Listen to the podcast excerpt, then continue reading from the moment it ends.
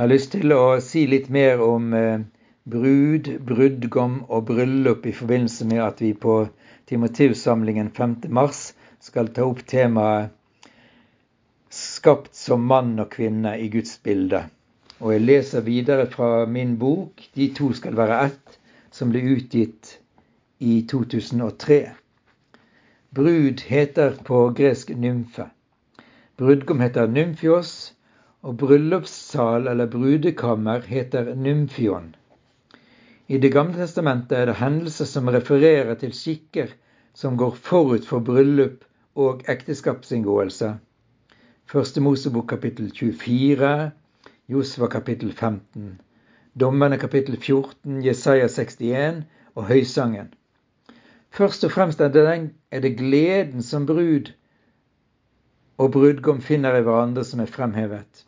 Høysangen, kapittel 40, eller Salme 45, Jesaja kapittel 61 og kapittel 62, Jeremia kapittel 7 og kapittel 16. Dette brukes metaforisk om forholdet mellom Javé og Israel. Særlig når Israel priser Herren som evig konge og grunnlegger av sitt fredsrike på Sion, slik vi finner det i Salme 45 og Jesaja kapittel 60. Israel kalles Javes brud, Jeremia 2,2, Jesaja 49,18 og 62,5. Og fra Salme 45 leser vi en sang om kjærlighet. Mitt hjerte strømmer over av gode ord. Jeg vil kvede min sang for kongen. I all sin prakt trer kongsdatteren inn. Hennes kjole er gjennomvevd med gull. I sin fargerike drakt blir hun ført til kongen. Etter henne følger unge piker, hennes venninner som føres fram for deg. De ledes fram under glede og jubel og går inn i kongens slott. Og så fra Jesaja kapittel 61 vers 10. Jeg vil glede og fryde meg i Herren. Min sjel skal juble i min Gud. For han har kledd meg i frelsens drakt og svøpt meg i rettferdighetskappe til en brud, til en brudgom som pryder sitt hode, lik en brud som pynter seg med sine smykker. Og så Jesaja kapittel 62. Du skal ikke lenger kalles den forlatte, og ditt land skal ikke mer hete ørken. Men du skal kalles min kjæreste, og ditt land skal hete hustru. For Herren skal ha deg kjær. Ditt land skal bli tatt til ekte. Som en ung gutt gifter seg med en pike, skal dine sønner ta deg til ekte. Som en brudgom gleder seg over sin brud, skal din Gud ha sin glede i deg. Jødedommen holdt fast ved denne forståelsen. Høysangen ble anerkjent som kanonisk skrift fordi det ble tolket allegorisk på forholdet mellom Javé og Israel. Forventningen om frelse ble beskrevet som et bryllup, forstått som den endelige og fullkommen forening mellom Gud og hans folk. Bryllupstiden er en tid for glede. I Det nye testamentet peker dette mot endetidens bryllup. Jesus sier at bryllupsgjestene ikke kan faste så lenge brudgommen Messias er hos dem. Matteus 9, 15 og paralleller. Messias tid er bryllupstid, Jesaja 62, 5. Lignelsen om de ti brudepikene i Matteus kapittel 25 handler om Jesus, Messias og kirken. I Johannes kapittel 3 vers 28 er Johannes døperens forhold til Jesus beskrevet som brudgommens venn. Han kjenner ingen større glede enn å se at bryllupstiden er kommet, og at brudgommen får sin brud.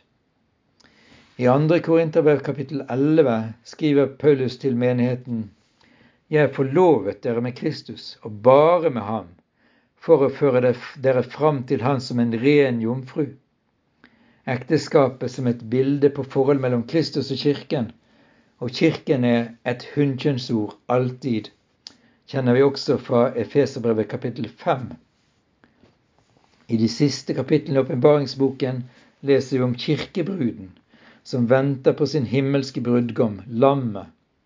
Igjen ser vi at gleden står i forgrunnen, kapittel 19, vers 7 og 9.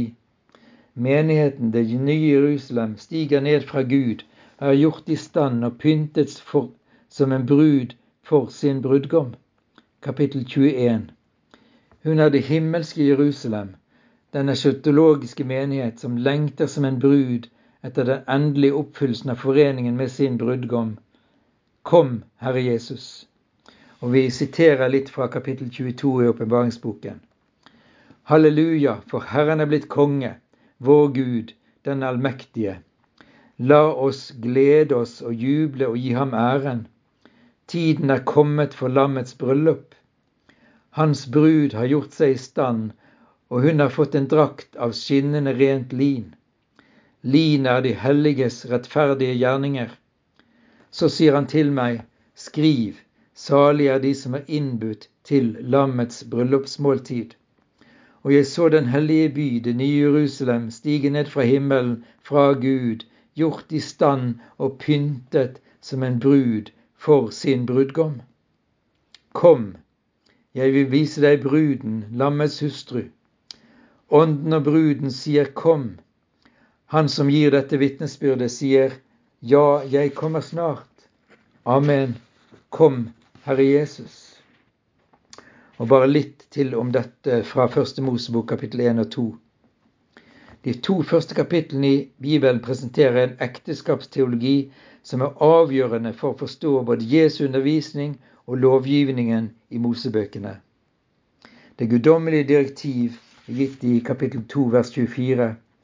Derfor skal mannen forlate sin far og sin mor og holde seg til hebraisk dabak, sin hustru, og de to skal være ett kjød, på hebraisk basar erod. Den svenske teologen A. Isaksson har i sin doktoravhandling påvist at Jesus primært refererer til det som står i Første Mosebok 2,24 når han hevder at ekteskapet er uoppløselig. Matteus 19,5. Å holde seg til, hebraisk dabak, har ikke en seksuell betydning, men finnes i paktterminologien i 5. Mosebok kapittel 10 vers 20, kapittel 11, kapittel 13, kapittel 30 og hos Josva kapittel 22 og 23. Israelittene skal holde seg til Herren i tro og lojalitet. Bibelselskapets oversettelse sier Herren deres Gud skal dere holde fast ved.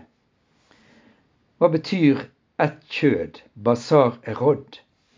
Bein og kjøtt er en vanlig beskrivelse av slektskapet eller blodsrelasjonen. Første Mosebok kapittel 29, Dommene 9, 2 Samuel 19.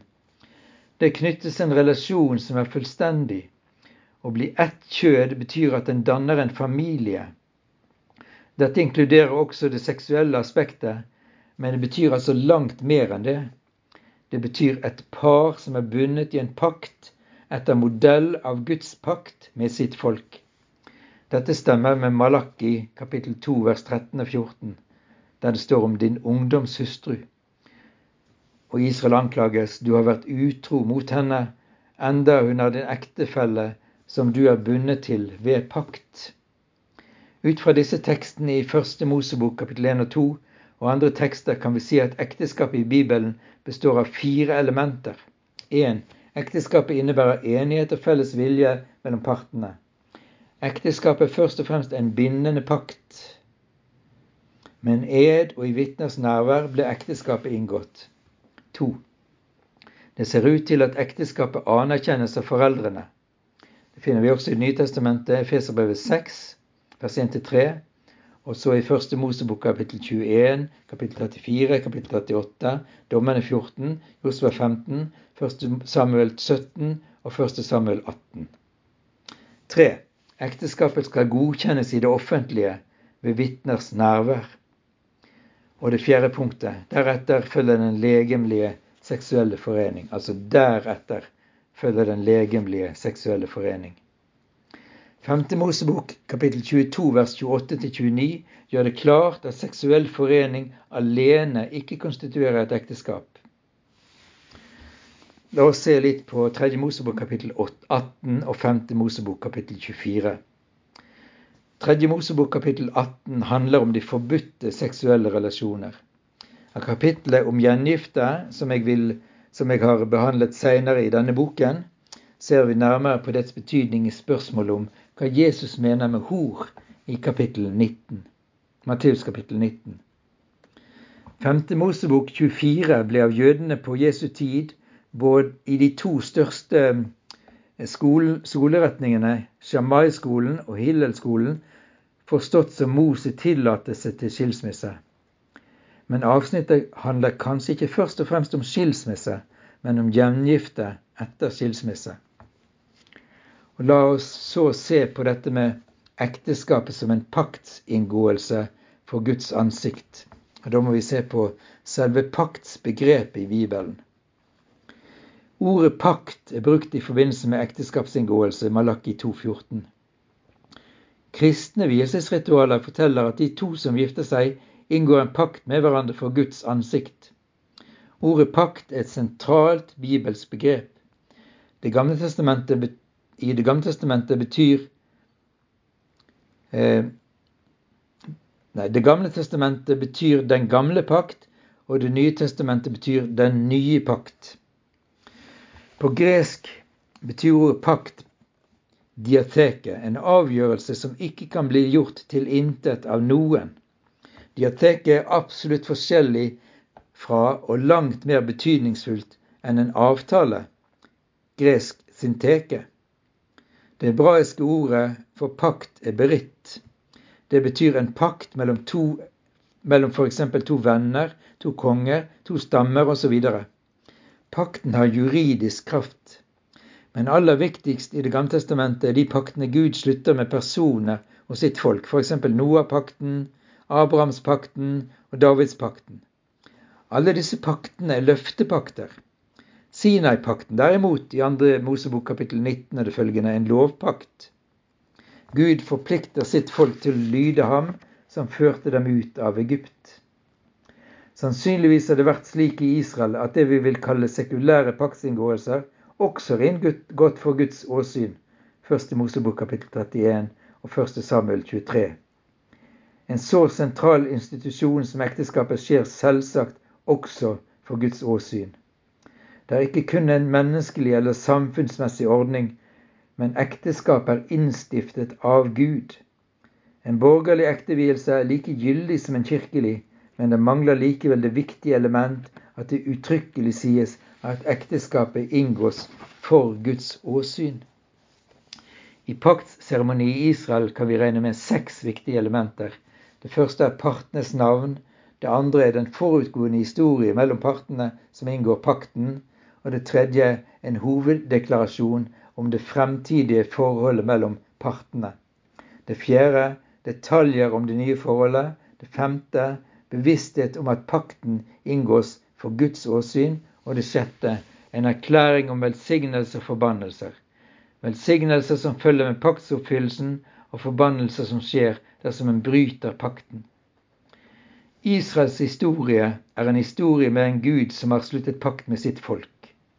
Gud har gitt et løfte om guddommelig trofasthet. Jesaja 54, vers 5-10, Jesaja 55, 3 og profeten Hosea. Guds pakt er evig. Hans løfte kan ikke bli gjort til intet av folkets ulydighet, utroskap og frafall. Gud har bundet, bundet seg selv til sitt løfte og sin pakt. Javé alene, som den som har innstiftet pakten, kan garantere pakten. Bare han kan fornye den når menneskelig ulydighet bryter den. Slik står det i Jesaja 54, vers 5-10. Han som skapte deg, er din ektemann. Herren allers Gud er hans navn. En liten stund forlot jeg deg, men i min store barmhjertighet fører jeg deg hjem igjen. For om fjellene viker og haugene vakler, skal min miskunn aldri vike fra deg, og min fredspakt skal ikke rokkes, sier Herren, som er barmhjertig mot deg. Og i Jesaja, kapittel, Jeremia kapittel 31 vers 3 som er det kapittelet som handler om den nye pakt, står det med evig kjærlighet har jeg elsket deg.